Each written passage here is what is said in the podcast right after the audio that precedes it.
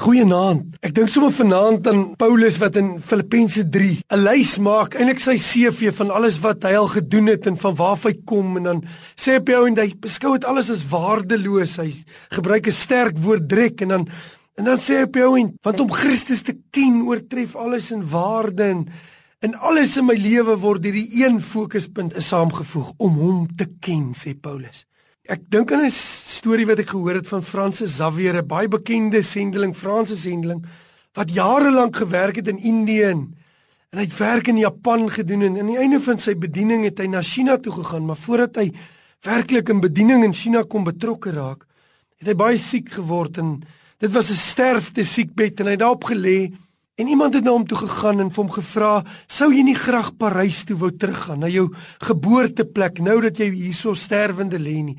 En hy het gedink en hy het gesê, "Ja, ek sou so graag na Parys toe wou teruggaan." En dan sê hy dan sal hy deur die die middag gestap het deur die strate van Parys in die vroeg aand. En hy sou gestap het deur die strate van Parys tot laat in die nag en hy sou die volgende gesê het, net een sin: "Give up your small ambitions. Give up your small ambitions." Wat Fransis Xavier se wou sê is om te sê die lewe gaan oor baie belangriker dinge as die klein ambisietjies wat ons baie keer so rondruk en so belangrik raak. Dikwels raak 'n mens in jou kinders se lewe so betrokke by klein dingetjies dat 'n mens die groter prentjie verloor. Give up your small ambitions. Dis wat Paulus wil sê om te sê die grootste, die een alles oorheersende ding in sy lewe is om Christus te ken. Dis die belangrikste van alle dinge. Daarom sê hy maak ek my los van wat agter is en ek strek my uit na wat voor is. Sodat klein ambisietjies nie my fokus wegneem van dit wat regtig belangrik is nie. Ek weet nie wat jou lewe wil wegslurp nie. Ek weet nie of jy opgetrek word in dinge wat jou wil wegtrek van die belangrikste doel en dit is om hom te leer ken. Ek weet nie of jy hom ken nie. Ek begeer so om vir jou te vra, ken jy hom? Ken jy die Here as jou persoonlike lewende saligmaker? Ek dink aan Jesus aan die kruis.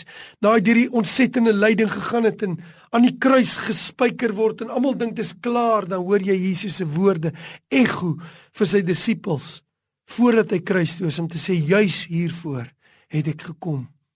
Jesus het deurgangs presies sy fokus gehou op waar dit regtig aankom. Ek weet nie waarmee jy stryd is nie. Maar ek weet die Here sê give up your small ambitions.